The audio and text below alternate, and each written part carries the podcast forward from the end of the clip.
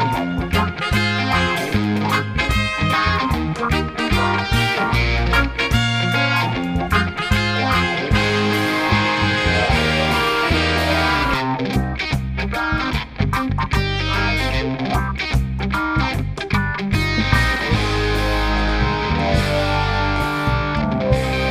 säger vi hej och välkomna till Agilpodden avsnitt 91.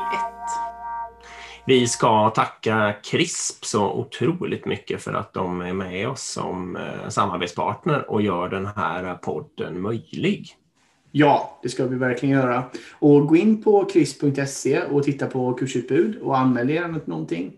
Eh, Eller titta också på deras konsultutbud om ni behöver hjälp i er agila resa. Eh, Alla kurser finns numera också digitalt, anpassat till covid-tider. Precis. Idag har vi eh, en jätterolig gäst i form av eh, Kristina Nordin som är generaldirektör för Jordbruksverket. Ja, vår första generaldirektör i podden. Ja. Och kanske vår första myndighetsperson också faktiskt. Ja, jag tror vi har haft konsulter som har varit inne och Ja, jobbat med typ IT-transformationer och så, men vi har inte haft någon anställd myndighetsperson, det tror jag inte. Nej. Ja, precis. Ja, välkommen Kristina. Tack så hemskt mycket och det var ju på tiden att ni får in en myndighetsperson. Den viktiga roll vi har som Ja, myndigheter. ja verkligen. Vill du berätta lite, vem är du? Mm. Eh, Kristina Nordin heter jag och eh, är generaldirektör nu på Jordbruksverket sedan eh, snart tre år. Och jag har eh, jobbat större delen av min yrkestid sedan jag var 24 år och nu är jag 58 eh, i staten, i olika myndigheter, i olika politikområden. Jag har varit i regeringskansliet ut och in några gånger för olika regeringar med olika politisk färg och jag har varit i olika myndigheter som sagt inom näringspolitik, industripolitik, inom jordbruk, livsmedelspolitik och handelspolitik. Så att jag tycker att eh, jobba för samhället, en god förvaltning, ett gott välfärdssamhälle liksom är, är det som drivit mig att Ja. göra Sverige bättre. Ja, kul. Hur är det nu? För du, du har som sagt en bakgrund i att jobba i myndigheten, men nu leder du en myndighet. Eh, Mm. Hur är det att, att, vara, att leda en myndighet? Alltså jag skulle vilja säga att det är, alltså det är fantastiskt roligt. Det är ett stort antal, men jag, jag tycker det är jätteroligt och det jag, det jag tycker är så, eh, det som är så, det jag vill förmedla och jag tycker är så roligt, det är just att vi som jobbar i, i den statliga förvaltningen har ett otroligt viktigt uppdrag. Eh, Jag brukar säga att, att alla jobb är ju viktiga. Vi behöver jobb i, i all, alla, på alla områden. Det ger liksom skatteintäkter och skatteintäkter bygger välfärd och vi får jobb, sysselsättning, mening. Men, men ett samhälle klarar sig inte utan statliga myndigheter. Eh, Det är liksom det är liksom grunden för ett välfärdssamhälle att man har förvaltningsmyndigheter och dessutom i dessa tider att vi som statliga myndigheter sköter vårt uppdrag, eh, får förtroende hos medborgarna, att vi levererar det, det medborgare och företag kan ha rätt att förvänta sig. Det är otroligt viktigt för, för en, en, en demokrati. Eh, Sverige är unikt det här med, med, med hög tillit från medborgare och företag till myndigheter. Vi har förtroende, liksom det här kontraktet, det fungerar ju väldigt bra i Sverige och det har en jätteviktig uppgift för oss som jobbar i staten att vårda. Börjar det skava så är man på ett sluttande plan. Så förutom att jag då tycker att det är politikområde som jag ansvarar för då eh, som myndighetschef, att se till att vi har mat på bordet, mat i magen. Att, att liksom och dessutom då i dessa tider att det ska vara hållbart producerad mat. Alltså det är otroligt viktigt. Vi ska ta hand om våra marker, växter, djur och vatten och vi ska ha mat på bordet som är hälsosam. Det i kombination med det här liksom samhällsuppdraget, att, att jo- jobba för en god förvaltning i demokratins tjänst tycker jag är så roligt. Och det tycker jag är en viktig roll för mig som myndighetschef att Eh, förmedla. Spännande. Och jag tänkte på det också just med Jordbruksverket. Det som är intressant som inte har slagit mig innan men som jag har hört på olika agila forum och av konsulter som har jobbat hos er och så vidare. Det är att ni och mer, mer och mer blir en IT-myndighet egentligen eller ett, ett IT-bolag. Det tycker jag är jätteviktigt för det, det, alltså jag tror att det är få myndigheter som eh, har så spännande jobb som eh, för, för IT-sektorn. Och jag tror att det kanske inte man riktigt tänker tänker på utan man tänker liksom statliga myndigheter, vad tradigt. Men, men vi är ju eh, vi är ju väldigt många. Vi är ju upp till 200 IT, IT-folk och vi har en stor andel konsulter. Nu håller vi också på att göra en liten konsultväxling för att mm. minska beroendet av konsulter också av ekonomiska skäl och av långsiktighet. Men vi har ju ett eh, jordbrukspolitiken består ju av många, många, många delar. Men en del är att vi betalar liksom ett stöd och ersättningar till lantbrukare. Mm. Stöd för att de ska ha en grundekonomi, men också mycket miljöersättningar. Vi mm. betalar mm. företag för att de faktiskt ska se till att att eh, marken brukas, biologisk mångfald, minska växtnäringsläckage ni som kör på vägarna ibland kanske ser, man ser liksom öppna landskap och gärdsgårdar och blommande ängar. Det tar man för givet, men det är mm. tack vare att lantbrukare vårdar detta och det får de betalt för, för det har inte någon lönsamhet. Eh, mm. Så att eh, nu gjorde ett sidospår som jag gärna kommer okay. tillbaka till. Men, eh, men det här innebär att det är väldigt komplext. Det är otroligt liksom komplexa stöd och marker där och stöd där och villkor, villkor, villkor, villkor. Och det ställer ju krav på väldigt eh, raffinerade utveckling, eh, raffinerad utveckling av, av olika IT, IT-system.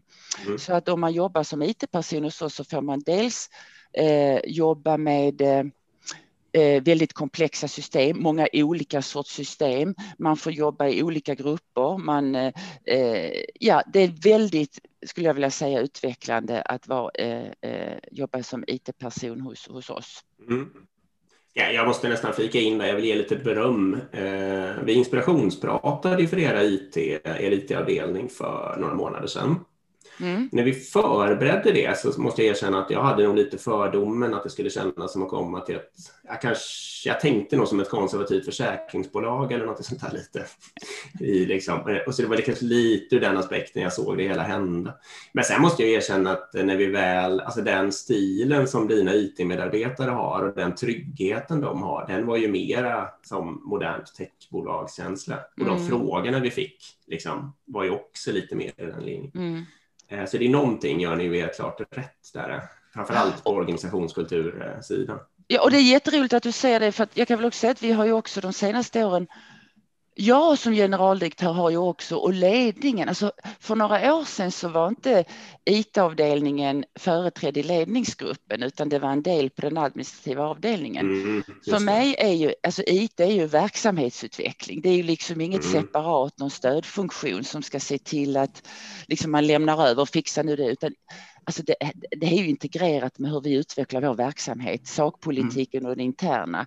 Så att vi har gjort en organisatorisk förändring där, där vi nu har skapat en, en, en utveckling och digitaliseringsavdelning där IT-frågorna ligger och självklart är, är avdelningschefen där mer i ledningsgruppen mm. och jag själv engagerar mig i de frågorna. Jag är ju inte IT-person, jag, har, tycker, jag kan inte förstå allt men som chef idag för en myndighet eller för vilken organisation som helst så måste man ha de här frågorna nära sig och man måste liksom förstå logiken och, och, och hänga med. Jag, jag, det är inte min styrka, jag är inte eh, liksom en utvecklare eller, eller arkitekt eller på något sätt inom IT. Men, men som sagt, så det, det är väl också viktigt och vi har också kört ett sånt här projekt som vi kallar eh, attraktivt IT, alltså hur, hur vi jobbar med att utveckla arbetsformer och arbetssätt för att bli en attraktiv IT-myndighet för att det är hård konkurrens, inte minst i Jönköping. Alla vill ha IT-folk för att de är mm. framtiden. Så det, det, är väl viktigt att, tror jag, det är en yrkesgrupp som man måste verka, alltså det utifrån ett arbetsmiljöperspektiv så är det otroligt viktigt att se till att, att man har en bra arbetsmiljö och arbetssätt så att man utvecklas sina team, att man liksom känner, ja, alla vill ju utvecklas. Man vill inte bara serva Jordbruksverket utan man vill också känna att man utvecklas i sin kompetens. Så mm. det, det, är jätteviktigt tycker jag och vi, jag tycker vi har kommit en, bra, en väldigt bra bit men det här måste man jobba med ständigt, tänker jag. Verkligen så är det ju. Det är en, det är en kontinuerlig utveckling. Eh, men jag tror att det är helt rätt. Jag, jag tror det är, väldigt, det är fortsatt väldigt många företag som inte har satt IT i sin ledningsgrupp utan man ser det mer som en stödjande verksamhet. Mm. Som man kan av, avrapportera när man vill och man ser det många gånger som en kostnad bara. Ja. Um, och de, bol de bolagen tror jag kommer få det tufft framöver med den digitaliseringen som händer. Med, ja, med och det här liksom att nej men nu är vi klara med en sak, nu, nu lämnar vi det till IT, fixa liksom. Mm. Och, och mm. just när det gäller stödhanteringen vi håller på med också mycket, inte bara det, så måste man ha liksom biologerna, ekonomerna, agronomerna, de som kan liksom politiken och hur utformar man ett stöd bäst för att få största möjliga miljönytta. De måste vara parallellt med IT-utvecklarna. Mm. Alltså det, det, från, från dag ett måste liksom eh, alla kompetenser vara med. Och det är ju förstås också roligt att se helheten, att komma mm. i ett sammanhang. Ja, verkligen. Det är ju det är då man utnyttjar diversity också. Då, då ja. får man ofta bättre resultat. Mm. Helt klart. Och jag, det gläder mig också att du säger liksom att även fast kanske Jordbruksverket inte är liksom ett techbolag så är det ändå viktigt att som högsta chef ändå vara uppdaterad och förstå mm. vad det innebär att bli techbolag och förstå branschen.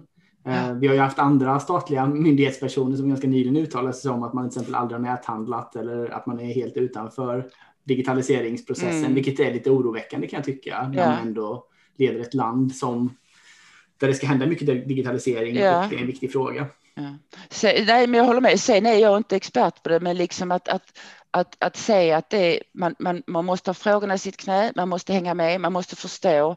Jag, jag måste veta vad agilt är, jag måste veta vad scrum team är, även om jag inte liksom jobbar i det själv, lite, lite förstå vokabuläret, lite så.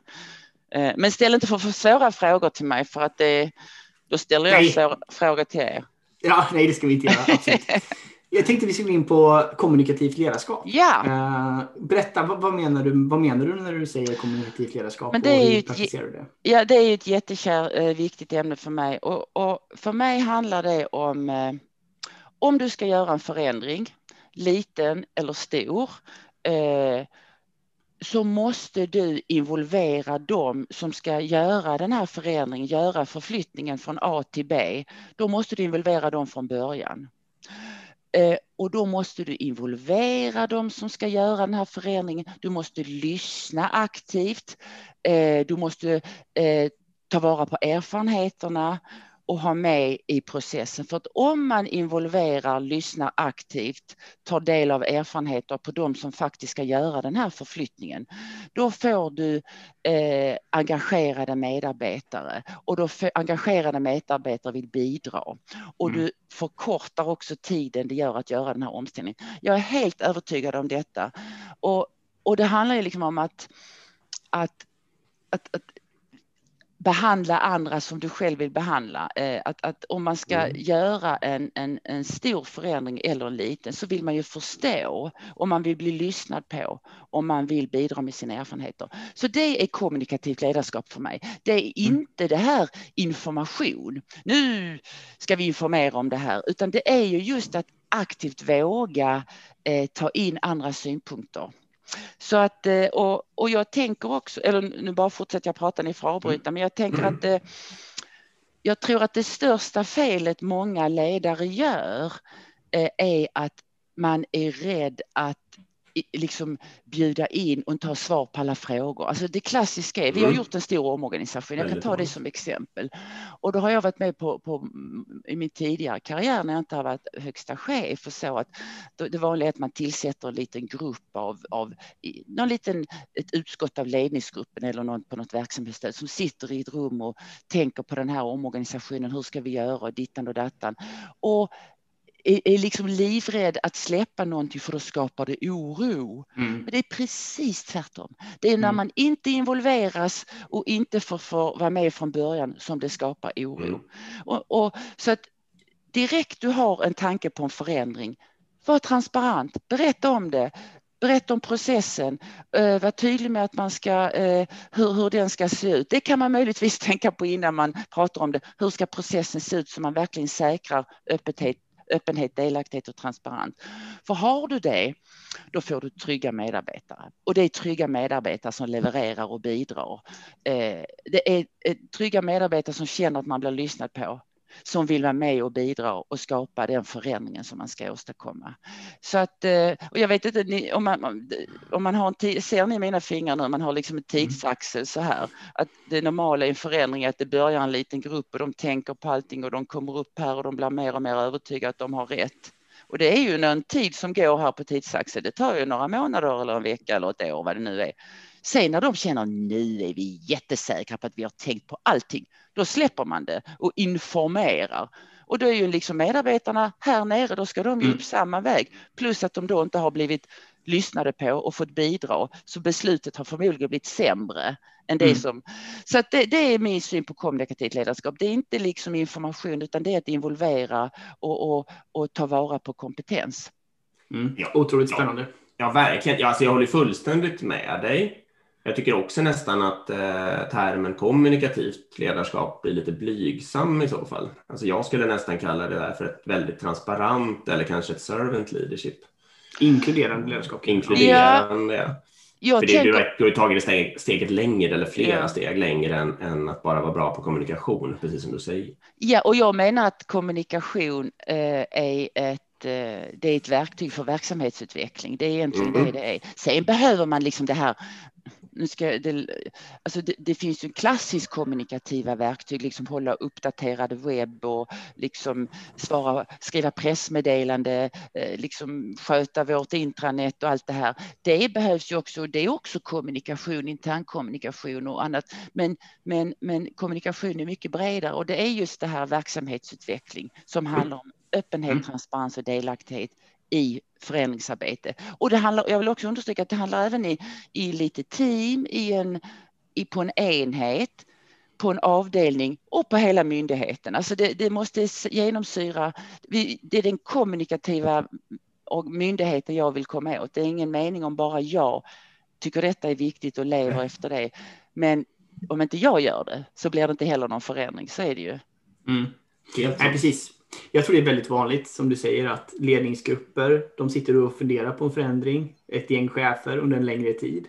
Och de blir mm. övertygade och sen så informerar man om det och sen så kan man inte förstå varför inte medarbetarna inte hoppar på på en gång. Liksom. För de inser inte själva att de har processat det i ett års tid. Yeah. Medarbetarna har processat det i en minut. Liksom. Och det är lite att omyndigförklara kompetens och erfarenhet. Jag brukar mm. jämföra när jag någon gång de frågar mig vad jag menar med kommunikativt ledarskap. Då brukar jag alltid dra det här med liksom att jag vet inte om ni har familj och partners eller vad, det här, vad ni har eller hur ni lever. Mm. Men säg att man kommer hem till sin partner och familj och säger nu har jag köpt ett hus i Kiruna jag har grubblat på detta ett år och det blir så himla fint. Jag har köpt ett hus där. Då mm. skulle ju hela familjen, men mitt jobb. Men varför just där? Hur ska det gå med svärmor? Och det är egentligen precis samma sak. Ja. En förflyttning, förändring i livet som påverkar en liksom både privat eller då på jobbet. För det påverkar en. Vi är mycket på jobbet. Ja. Det skulle liksom mm. vara otänkbart på de flesta. För de flesta att komma hem och säga att jag köpt ett hus i Kiruna eller nu har jag bokat en semester i Thailand en månad så att inget ridläger för dig och inget det där. Det är precis samma sak tycker jag för att på ja, jobbet är vi ofta. Så det, det, och det skulle man ju och det är precis samma sak där. Alltså där, det, man måste tänka på samma sätt. De som ska göra förändringen, de du vill ska vara med dig och nå det mål du vill, de måste vara med från början. Mm. Jag håller med. Och det, det, det, har varit en spaning sedan jag började jobba. Jag började jobba för kanske åtta år sedan och sånt där, från universitetet. Är du så ung? Har du bara jobbat i åtta år? Ja. Erik är junioren inom Agilpodden. Ja, exakt. um, och um, då har jag alltid tänkt på att det, det, är liksom som en portal in till jobbet där man fördummas i någon mån när man går in. Yeah. Liksom. För man skulle ju aldrig liksom kräva av sitt kompisgäng eller av sin mamma en statusrapport på hur det går med en viss grej man gör gemensamt. Liksom. Man skulle ju bara ringa personen eller man skulle göra mm. det ihop. Liksom. Mm. Men det är precis som att när man går in på jobbet då kan man tillåtas göra massor med konstiga saker och dumheter som man aldrig någonsin skulle göra i sitt privata liv. Och jag ser inte riktigt skillnaden mellan nej, nej, varför skulle jag agera annorlunda på jobbet ja. än vad jag gör privat. Mm. Liksom det är väldigt omodernt just för att eh, sen, sen, sen, sen vill jag understryka också att det här med liksom ha delaktigheten och få in synpunkter. Det betyder inte att saker ska dras i långbänk utan, och att man inte ska fatta beslut. För att, att fatta beslut och göra det i tid, det är otroligt viktigt liksom och peka riktning då efter det. Men om, om man har varit med och fått bidra och kommit med synpunkter och kommit med motstridiga synpunkter eller haft motsatta synpunkter, blivit bemött med argument om jag sen fattar beslutet, nu gör vi så här, då är ju alla liksom bekväma med det för att jag har blivit lyssnat på, jag har fått svar på varför inte mm. de går på mot mitt förslag och då går ju genomförandet bättre. Gör du inte det så fortsätter ju de som har varit av motsatt uppfattning. De fortsätter ju liksom lite gerillakriget. Ja, och jobbar emot. Mm. Ja, och, och sen så det kanske ännu bästa av det här, eh, det är ju vad är det som påverkar en god arbetsmiljö? Det är inte klimatet i luften och det är inte höjden på stolen och det är inte hur stort och litet rum du har som det gärna handlar om och som folk börjar klaga på när det är något som är fel. Men det är mm. alltid symptom på något annat. Utan det som ger en god arbetsmiljö det är ju att, att du eh, känner engagemang för att du, mm. du blir tagen på allvar. Du får vara med och bidra och utveckla den här verksamheten, myndigheten.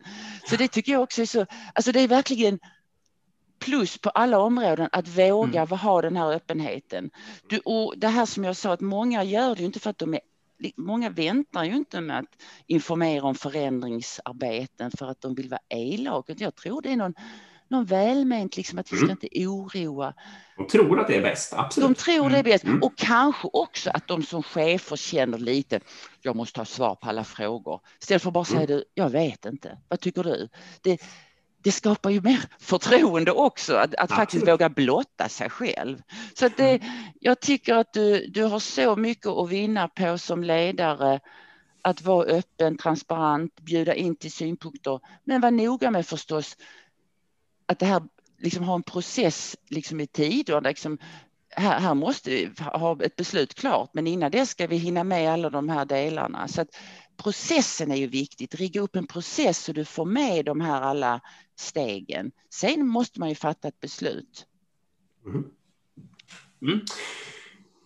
Ska vi gå vidare lite? Jag, jag var nyfiken på om du har, har du någon uppfattning om Jordbruksverket låter sig inspireras av en agil eller kanske en lean kultur liksom, när ni bygger er organisationskultur?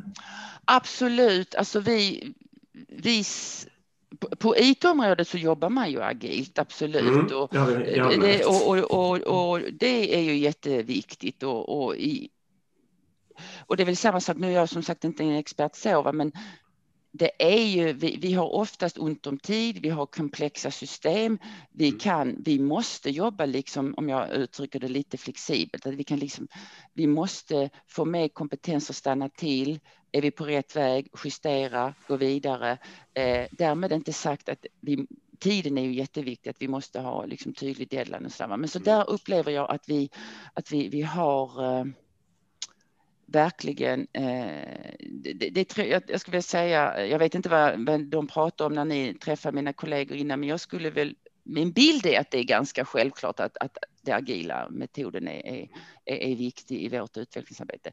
Sen jobbar vi med lean i, i, i hela organisationen. Mm. När jag började på Jordbruksverket för tre år sedan så sa man att vi, vi jobbar med lean.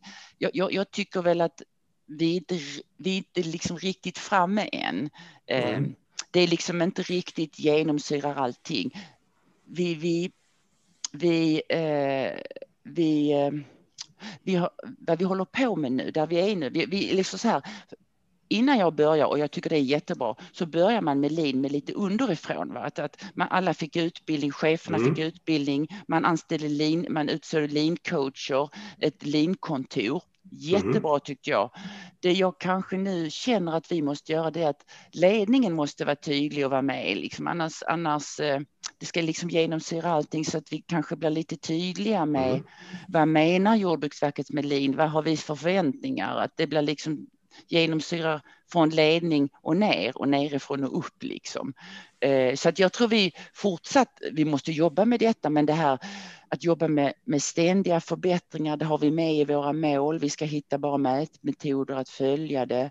Ehm, så att ja, jag tycker absolut, men vi är inte ända framme för att eh, det är inte alltid... det, mm. det är man aldrig. Det behöver inte Toyota heller. Nej, det är hur inte jobbar, heller. Hur jobbar ni? Jag tänker, ja, nej, exakt. Och jag tänker också att det handlar, alltså, när jag gick eh, för ganska länge sedan i någon sorts grundutbildning i, i, i Lean, då var det ju mm. Toyota liksom och då, då är det ju så enkelt om man har en, en, en linjär process. Liksom. Mm. Du har en, bygg, en, en, en, träbit och sen kommer den in och så ut kommer en stol. Och här mm. liksom ska man identifiera slöseriet, svinnet och du ska minska svinnet och bara satsa på värdeskapandet. Det är ju lättare. Vi har ju då inte den här linjära produktionen, men det gör det ju inte eh, desto viktigare, desto mindre, det gör det ju inte mindre viktigt. Mm. Och jag tror vad vi jobbar mycket med, som, jag, som verkligen är lean också, det är ju liksom värdet för kunden. Alltså hur vi, mm. hur vi Alltså när vi börjar ett arbete, vi ser att vi ska öka den biologiska mångfalden i, i de skånska slättbygderna. Då, bör, då, då, börjar vi här inne liksom och äh, agronomer och biologer och liksom hur ska vi hitta liksom vad behövs göras, hur ser det ut, hur ser verkligheten ut? Och si och så. Eh, och hur ska man utforma ett stöd? Eh, och, och sen så kommer IT-folket in och ska utforma stödet och så, så kommer de som ska handlägga stödet, de kommer in. Vi kan inte jobba linjärt utan alla Nej. måste vara med från början. Och hur ska detta tas emot av lantbrukaren? Hur ska det bli enkelt för lantbrukaren att söka och förstå och kunna tjäna på det här stödet så att det verkligen blir någon biologisk mångfald? Det är ju liksom lin i det yttersta, mm. det, det, alltså det värdeskapandet ute, alltså att verkligen säkerställa att det blir mer biologisk mångfald på den här slätten mm. Mm. och att lantbrukaren tycker det är värt mödan att söka stödet eller ersättningen. Och det måste vi ha med oss här. Så det, det är ju liksom egentligen det det handlar om, att skapa värde i samhället och att vi ska ha en effektiv process på vägen dit. Och det, det vi har precis startat ett viktigt arbete faktiskt. Vi ska försöka, vi anlägger, vi kallar det egentligen, nu kanske detta blir, jag ska inte prata för mycket detaljer, men tänk om ni tänker er Nej, det, blir för, det blir för tekniskt. Men alla är roliga. Nej, jag kan säga så att vi har jättemånga många olika stöd och normalt så utformar, börjar stödhanteringen med att, eh, eh, som jag sa, eh, jordbruksexperter och biologer tittar på behovet. Man utformar ett stöd. Sen skickas det kanske till stödavdelningen som tittar på hur stödet ska riggas och sen går det till ut IT. Mm fixa stödet. Mm. Nu, nu, det, nu jobbar vi inte riktigt så, men så, det är ju det vi jobbar hela tiden att få bort. Vi måste vara med allihopa från början. Men vad vi försöker göra nu är att anlägga ett produktperspektiv så att man kring varje enskilt stöd har alla kompetenser från början till slut.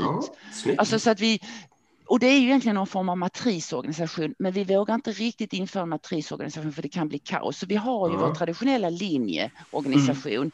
för vi mm. behöver struktur och ordning, men inom den får det här liksom produkten en biologisk mångfald från, från liksom att stödet utformas till det ska vara mm. sökbart och attraktivt lätt. Så att anlägga ett produktperspektiv i vår linjeorganisation ja. håller vi på med nu. Förstår ja, ni vad jag menar? Förstår ja, verkligen. Det här, det här är supervanligt i många organisationer. Um, och jag tror att jag tror ju personligen jättemycket på att man ska även organisera sig efter. Man ska inte ha matriser, för matriser då, då, då jobbar du två, då har du två olika um, rapporteringskrav yes. hela tiden och två olika mm. intressen. Din chef kanske vill att du får utvecklas inom ditt kompetensområde medans eh, liksom där du jobbar projektet eller där du skapar värde mm. eh, kanske kräver något annat och det kommer alltid vara svårt. Det är mycket bättre att ta hela steget rakt ut, att organisera sig crossfunktionellt. Och sen så ja. kan man säkerställa, för det man vill ha många gånger med en kompetensorganisation, det är att alla med samma kompetens och samma chef för att de ska ha synergieffekter. Eller hur? Så mm. därför vill du ha alla agronomer rapporterande till en chef och du vill ha alla IT-människor rapporterande till en chef och så vidare. Um, men man kan fortfarande behålla det med kompetensforum och så vidare utan att det är det som är linjen. Linjen kan fortfarande vara crossfunktionell. Ja. Uh, och där ser man många, många techbolag som har kommit långt. Google, Facebook och så vidare. Mm. De har gjort precis just det steget. De har ja. helt crossfunktionella team, men de har kompetensforum för att säkerställa kompetensen. Mm. Ja, det är jätteintressant. Vi, vi är inte riktigt där ännu, utan vi har liksom eh, ett antal avdelningar, men inom dem kommer vi liksom fixa de här tvärfunktionella teamen eller som, som, som ansvar för olika produkter. Men jag utesluter ingenting för att om man pratar om ledarskap och så också det här med vad skapar liksom eh, energi i en eh, verksamhet och vad skapar engagemang och, och, och liksom utveckling? Det, då pratar jag om öppenhet, delaktighet och transparens. Men en, en annan del som, som är viktig i mitt ledarskap och som vi har med oss och som jag tjatar om i alla tillfällen, det är något som vi kallar effekttriangeln det, den finns i olika former, det är inte vi som har uppfunnit den. Den kan heta framgångstriangel, effekttriangel, men det handlar om att om man, om man tänker sig en triangel framför sig så har du i en, en, en spets har du eh, riktning, struktur, kultur, alltså tre mm. Eh, hörnor med riktning, struktur, kultur. Och mm och i mitten kommunikation, det jag pratade om inledningsvis. Mm. Och med det menar jag att, att, om du ska få en välfungerande organisation så måste du ha riktningen tydlig för alla medarbetare. Mm. Vad är uppdraget? Vad är målet? Vart ska vi? Hur följer vi upp?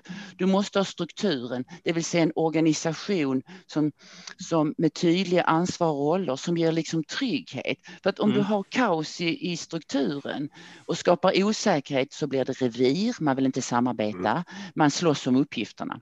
Och sen måste du ha kulturen, alltså vem är vi, hur är vi, hur vill vi vara, var ska vi? Riktning, struktur, kultur måste man jobba med ständigt. Och jag, vi är väl inte riktigt där att vi liksom helt kan lämna den här. Vi har en organisation som vi känner oss ganska trygga med, men mm. vi inser ju med de komplexa uppdrag vi har, det går ju inte att jobba i struprören. Och det är intressant du säger att de flesta, att du rekommenderar att man löper linan ut. Mm. Och vi, vi, vi är inte där och eh, vi får väl se. För jag har, jag har ju liksom också erfarenhet. Jag var en gång på en myndighet där man införde eh, en processorganisation där man helt ändrade inriktningen. Och det blev lite kaosigt för, och det var kanske inte för man gjorde det fullt ut och så. Mm. Ja, så det, det liksom kräver ju, det får inte bli kaos. Vi har inte råd med det absolut. nu. Men, så vi men, börjar med de här tvärfunktionella teamen eller produktperspektivet. Jag förstår, men det, det hemligheten här är ju att man gör ju inte hela organisationen på en gång. Du testar ju med en yeah. liten del liksom. och sen utvärderar man, så gör man med feedback på det och sen så kan man iterera vidare. Liksom. Jag ska säga också till ditt, eh, eller jag menar jag håller med dig fullständigt om att jag tror att om innan man går hela vägen, så du tänker helt rätt, du känner inte på att göra en eh, hybrid av något slag eller skapa en, en mera formell matris eller något, utan då är det mycket bättre att behålla linjen, men på så att säga föra in ett produkttänk Exakt. eller produktkultur i mm. den. Liksom. Mm. Det är mycket, mycket mm. smartare än att ja. hitta på dubbla rapporteringsvägar och sånt där. Det kommer ju bara leda till kaos. Liksom. Ja, det ja, finns... Och... Ja, precis. Kör. Nej, nej. Jag skulle säga det finns väldigt få matrisorganisationer som är framgångsrika. Ja, jag vet ingen. Nej, men exakt. Jag har själv en erfarenhet, så jag tror man ska vara försiktig, för jag tror just den här det finns inget som är så förödande. Eh, det är mycket som kan skada liksom utvecklingskraften i en organisation, men det här med oklara ansvar, roller, mm. rapporteringsvägar. Mm. Eh, det, det, det, är snacka om att stjäla resurser. Och vi, vi, vi, vi, vi liksom är verkligen inte den perfekta organisationen, det blir man aldrig. Men jag tror att vi har, just nu har vi ganska god liksom insikt i vad våra problem och utmaningar är. Mm. Och det är ju steg ett för förändring också. Att liksom, vad, vad, vad, så att vi måste gå i, i en, större, i, i, en, i en riktning mot det hållet för att helt enkelt klara vårt uppdrag i tid och för att också skapa arbetsglädje att, och att få med liksom, det här kundperspektivet i, i, på ett bättre sätt från början. Mm. Ja, verkligen. Jag kommer ihåg när vi pratade för er IT-organisation också att ni hade pratat med Avanza.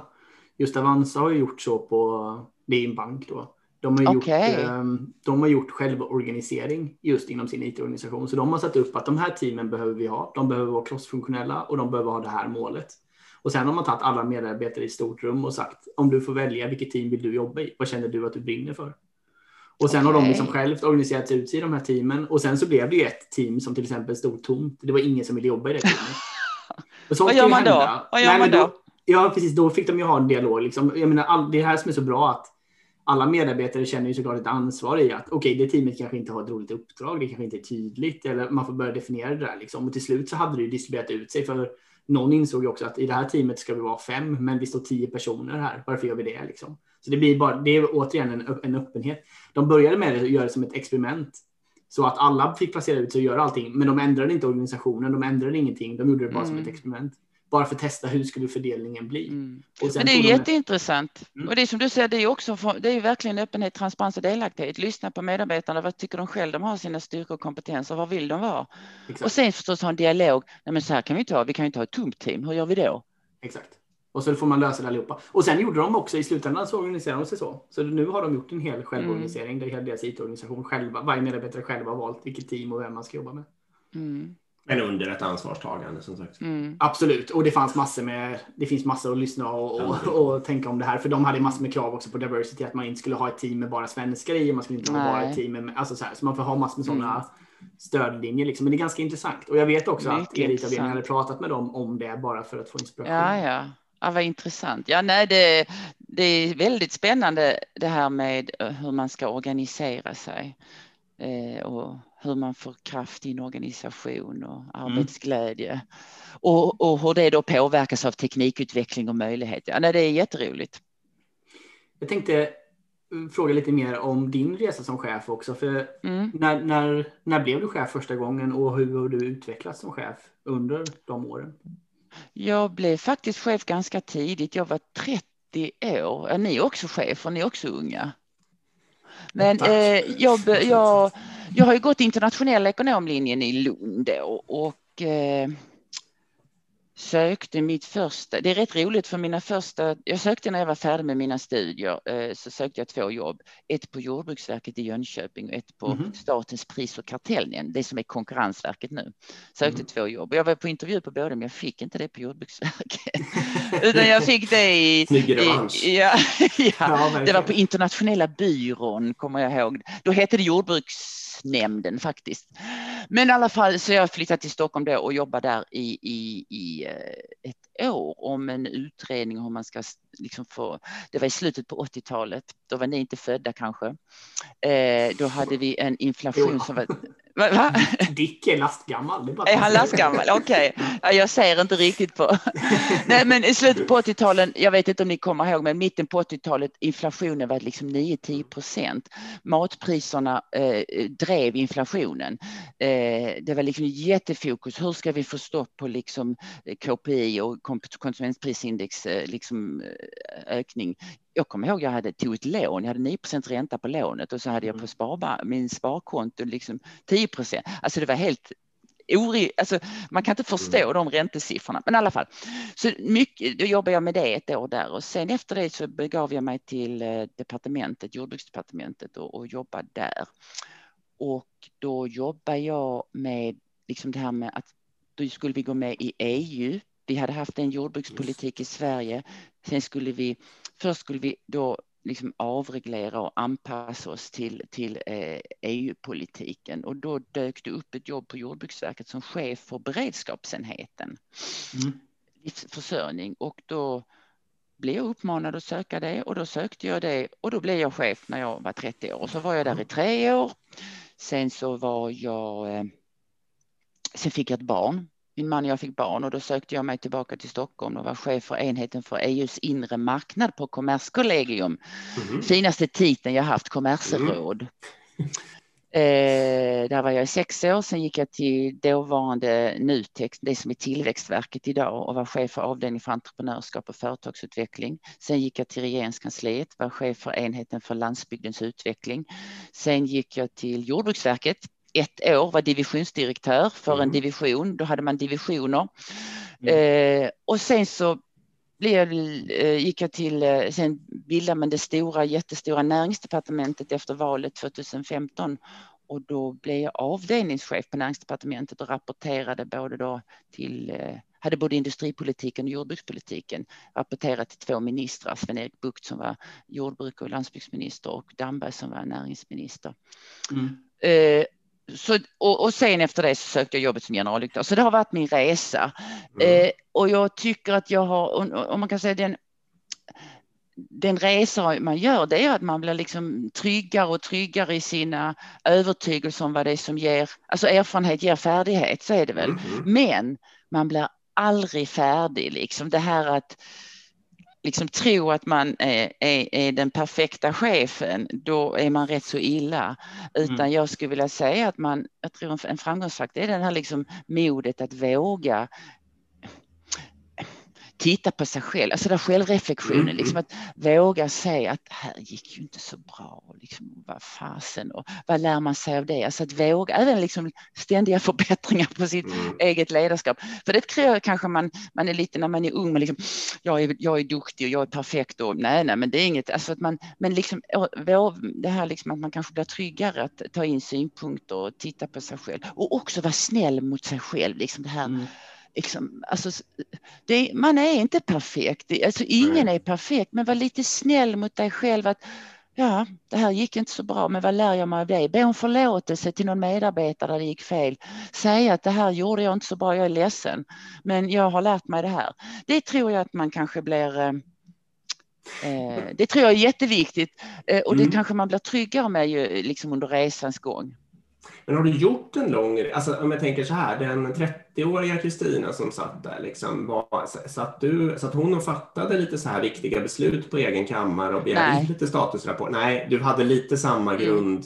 Jag skulle vilja säga att när jag kom till Jordbruksverket och, och lanserade de här eh, mina ledord eller lansera öppenhet, transparens och delaktighet så är mm. det något som har följt med mig hela tiden. Sen dess? Eller ja, innan, alltså det, det, mm. det, är mm. inte så att oj, det har jag kommit på nu, utan det jag pratar om det är väl mer hur man har mognat som liksom blivit mer trygg i, i, i ledarskapet, även om man mm. aldrig blir färdig. Men det här med öppenhet, transparens och delaktighet och lyssna på medarbetare, det har jag haft med mig, för jag tycker det är mycket det är också mycket roligare. Och sen är jag, jag är väldigt, alltså, jag tycker det är så roligt att interagera med människor. Jag, tycker inte, jag skulle aldrig kunna bli forskare. Det är därför jag tycker det är så jävla tråkigt att sitta, sitta hemma här och liksom vid coronatid. Jag tycker det är väldigt roligt att interagera med människor och lyssna och lära. Och det har jag haft med mig hela tiden. Mm.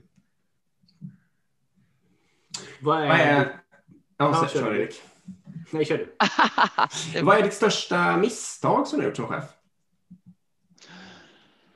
Största misstag? Nej, men jag tror att, alltså jag tror att jag, har, jag, jag, kan väl inte säga att jag har gjort några jätte sådär liksom, liksom misstag så att oj, jag, jag får nog gå eller sådär. Eller, utan det är nog i, i, i de, det lilla liksom att man, att, att eh, att klara de här svåra samtalen på ett bra sätt mm. utan att såra men ändå vara tydlig. Jag tycker nog det är svårast och, och jag kan inte säga att jag misslyckas men visst har jag eller visst har jag misslyckade samtal bakom mig. Alltså det här att, att eh, vara tydlig, eh, inte kritisera liksom personen utan agerandet och mm att liksom få personen som man då har synpunkter på eller gruppen att leverera efter det här liksom allvarliga samtalet. Eh, att undvika att man, någon blir sårad. För jag, jag, jag, tycker det är så viktigt att vara rak och tydlig. Det är också liksom A och O i ledarskapet, att inte gömma sig bakom floskler och att våga vara rak och ärlig. Men det är svårt. Det, det, jag kan inte säga att det är, det, det tycker jag, och där, där har jag ju förstås också misslyckande bakom mig eh, som, som inte går att undvika. Det. Jag tycker att det har varit sämre samtal eller om man kunde vara tydligare tidigare. Eh, så. Mm. Känner du liksom att, eh, för, alltså nu, det här är bara min, min, mina fördomar, men alltså jag uppfattar dig som en ganska modern chef, alltså en chef för framtiden på något sätt. Känner du att myndighetsvärlden är långsam där? Alltså känner du att du borde ha fått ett eh, högsta chefsjobb för en myndighet för länge, länge sedan? Nej, men alltså, jag, alltså, alltså det, jag tycker att eh, jag hade ju inte varit redo för det här stora ansvaret när jag var 30 år. Jag, jag tycker nog att liksom, sen kanske jag hade... Eh, när du var 45? Ja, jag, jag har ju någon gång tidigare innan jag fick det här sökt ett, ett generaldirektörsjobb. Men det är svårt mm. att säga för att den som, det beror på vilka andra som mm. har sökt. De kanske var ännu bättre Slut. än jag. Eh, så. Mm. Det beror på en massa saker. Det var bara en känsla ja. att eh, om du hade varit... Men jag hade gärna, jag, jag, jag kan så svara på din fråga, ja, jag sökte GD-jobb innan jag fick det. Ja. Så jag själv tyckte jag var redo tidigare, så kan jag, för det är sant. Mm. Hur ser, du på, hur ser du på framtiden tio år fram nu, liksom, både i ledarskapsutveckling och din organisation och ditt, din personliga utveckling och så? Vad tror du kommer, vad kommer hända och vad kommer saker ta vägen? Alltså jag tror ju vi är inne i en otroligt spännande eh, tid med digitaliseringen och där en stor utmaning för alla statliga myndigheter är att hänga med. Mm. Att, liksom, att, att, eh, att, att hänga med både i, i våra, alltså här, här är, både hur vi utvecklar vår, vår myndighet till nytta för, för liksom kunden. Eh, men också, jag kan ta en sak i taget. Det tänk, mm. tänk, tänk Jordbruksverket, vi, vi, vi, har, vi ger ut stöd och ersättningar, lantbrukare söker och vi är ute och kontrollerar och vi, vi gör dittan och dattan. Liksom, visionen här är ju lite faktiskt Skatteverket, lite det här the claimless system, att liksom vi bara fångar in uppgifter och så kommer pengar ut. Alltså här tror jag det kommer att ske en, en, en, revolution med hjälp av ny teknik och som vi som myndighet måste ha kraft och ork och, och, och, och hänga med i. Och det tror jag vi kommer ha. Men det, där tror jag det kommer att hända liksom att vi det här liksom att man söker stöd och man handlägger och man kontrollerar. Så där tror jag tekniken kommer eh, mm. hjälpa till mycket. Det är en utmaning och det är en resa jag tror det kommer ske mycket på. Ett annat mm. område är ju myndigheters regelverk. Vad, alltså hur, hur ska vi som myndighet ha regelverk som hindrar utveckling? Jag brukar ta som exempel och det kanske liksom en alg, är det ett livsmedel, är det en energigröda eller vad är det? Och hur, mm. hur lirar de här regelverken? Eh, livsmedel regleras där och energigrödor regleras där och vad är då det här? Alltså hur, det är också en sån här viktig utmaning i framtiden att my, statliga myndigheters regelverk måste anpassas till den digitala och tekniska och alltså innovationer.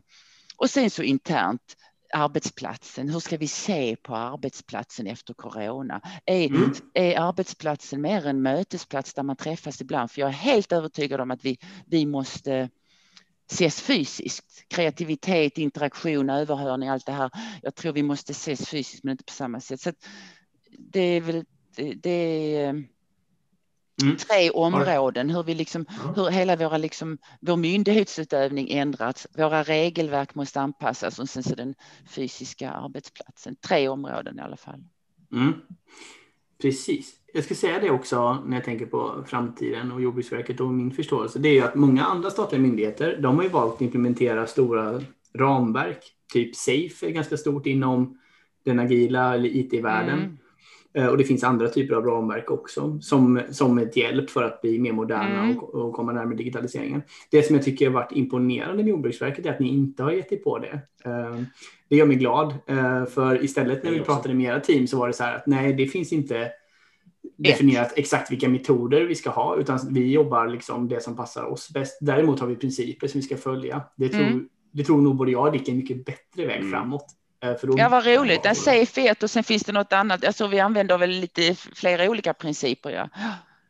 Men det tror ni är framtiden också? Ni, och... jag, jag, tror inte man ska gå i safe-fällan, för jag Nej. tror inte det finns en metod som passar Nej. alla. Utan jag tror det är mycket bättre att utifrån era förutsättningar och utifrån er kultur anpassa er och hitta arbetssätt som passar er. Liksom. Mm. Och sen styra mer på principer. Vad tycker vi är viktigt? Okej, transparens är viktigt. Okej, hur, hur gör vi då i vår organisation för att skapa mm. den kulturen så att det blir transparent? Mm. Hur skapar vi crossfunktionella team som du säger för att kunna få alla att vara med från början så vi får allas in, synpunkter och infallsvinklar på problemet innan vi implementerar det. Mm. Det tror jag är en mycket bättre väg framåt.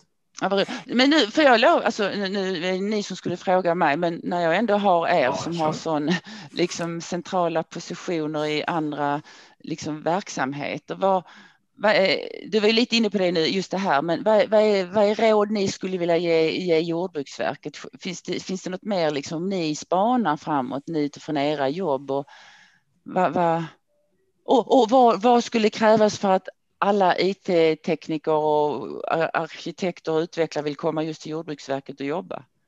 Alltså, först och främst vill jag bara säga att ni är ju helt klart på rätt spår. Jag har suttit och tänkt på det nu under det här samtalet, att du gör ganska bra employer branding, eller vad man ska säga. Eh, och jag tror också att det är ganska smart det här att eh, ta intryck av agil kultur, agila metoder, samtidigt som ni tar intryck av lean kultur. Eh, och det här med att sätta kunden eller brukaren i centrum och se det ur dens perspektiv. Alltså allt det är ju helt rätt verkligen. Mm. Ja, vad bra.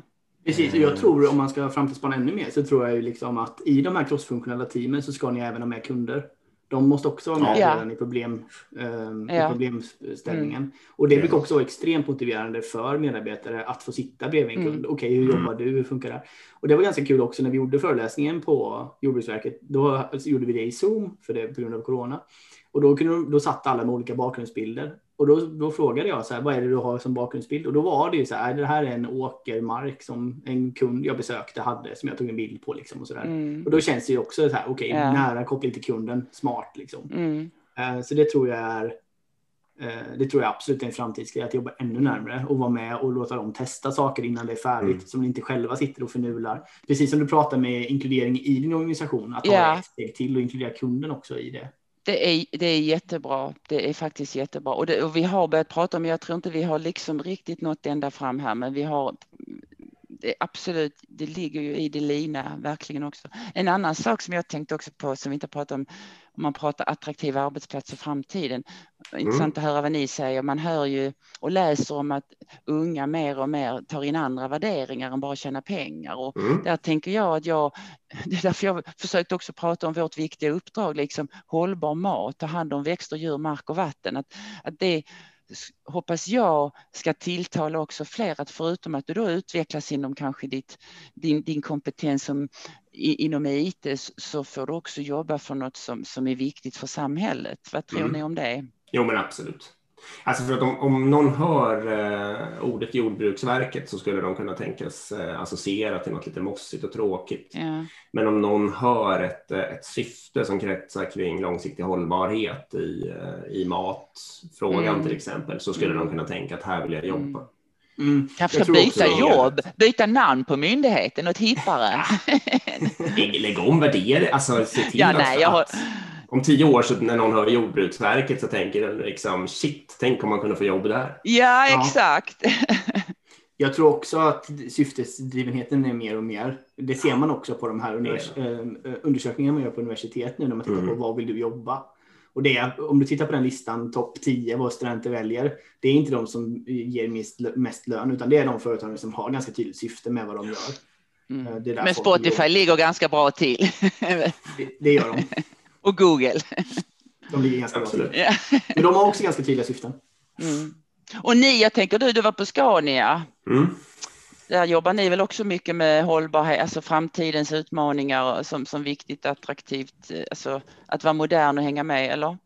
Där är ju syftet som eh, Henrik då, som han heter, som är CEO, trummar ut, är ju leadership towards a sustainable transport system. Eh, Så vi pratar jättemycket om hållbarhet Eh, och jag tror också just att när vi försöker attrahera unga så blir det Mm. eh, en av de liksom viktigare poängerna, liksom komma ifrån dieselmotor-imagen eh, och få fram att det är liksom hållbara transporter som vi försöker få till. Mm. När jag var på näringsdepartementet, inte för så många år sedan, så var vi faktiskt där på studiebesök med Mikael Damberg och tittade på något, någon, el, någon, någon, någon eldriven eh, eh, eller någon, någon utveckling Lastbil. kring någon lastbil. Ja. Mm. Jag fick det Ja, förevisat. Ja. Mm. Kändes Ja, det är- jättespännande. Precis. Och som uppföljning till det, det kanske du har sett också, men nu säljs ju de på riktigt liksom, Ja, på ja. marknaden. Ja, det är ju Och då så var det häftigt. Ja. Ja, det är Ja, det är otroligt häftigt. Ja. Mm. Vad bra. Vi Mm. kanske ska, är det något mer du vill prata om? Eller något mer du vill nämna? Eller? Nej, jag tycker att jag har fått säga verkligen vad jag vill och jag hade ju gärna eller nej det hade jag inte, men det var kul att jag fick lite från er, alltså jag tycker det var bra, jag fick lite tillbaka också här. Mm, eh, och bekräftat, både bekräftat och få lite synpunkter på er, vad ni tänker om Jordbruksverket och, och hur vi jobbar.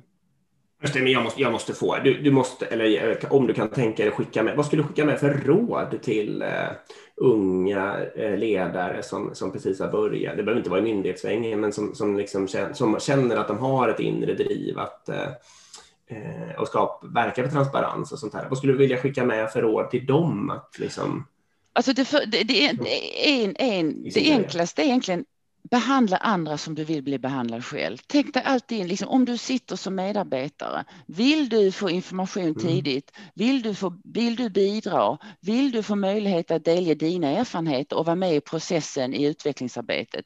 Ja eller nej? Förmodligen vill du det och då ska mm. du behandla dina medarbetare precis som du själv vill bli behandlad. Det är det. Och sen det här att våga fråga, våga ändra dig. Det skapar förtroende och det blir bättre utveckling. Det här liksom att när du som chef ska presentera någonting, då behöver du inte ha alla svar. Du ska inte ha alla mm. svar, för då är det information, då är det inte dialog. Så att det här våga lyssna, våga ändra, eh, våga släppa saker när du inte har alla svaren. Mm. Och sen ta hjälp av proffs förstås. Om du har duktiga kommunikatörer, lyssna. Liksom du, vet, du är, ensam är inte bäst. Jag frågar ju mina kommunika, kommunikatörer och rådgivare. Även om jag tycker att jag är hyfsat bra på att kommunicera så är jag inte bäst. Jag behöver, alltså, mm. Ta hjälp. Mm. Det är de tre. Otroligt bra. Behandla andra som du vill bli behandlad mm. själv. Ta hjälp av dem som kan och våga vara transparent om att du inte kan. Ja, våga fråga, våga ändra dig, eh, våga lyssna, våga släppa idéer på tidigt stadium. Alltså våga det här liksom att släppa in tidigt. Ja. Mm. Ja, okay. Då lyckas du. Mm. Uppenbart. Det är jag helt övertygad om också faktiskt. Vad roligt det var att prata med er. Det var, det var jätteintressant. Jag känner att man borde umgås med andra än, än eh, bara, det blev mycket myndighetspersoner, men, men det är viktigt med cross, så tvär mm. från olika delar. Absolut, jag har ju sett ert nya fina kontor där som jag håller på att bygga i Jönköping, ja. så vi får komma förbi någon gång helt enkelt. Ja, mm. gör det. Och sen ska vi också säga tack till eh, CRISP. Äh, återigen, supertack för att ni är med och gör denna podden möjlig. Ja, verkligen. Stort tack. Eh, det är otroligt roligt att ha med CRISP som samarbetspartner i det här. Okej, okay, då tackar vi så mycket mm. för det här. Ja, tack så jättemycket Tack så mycket. Kristina. Tack till alla hej som då. lyssnar. Hej, hej. Hej, hej då. Thank you.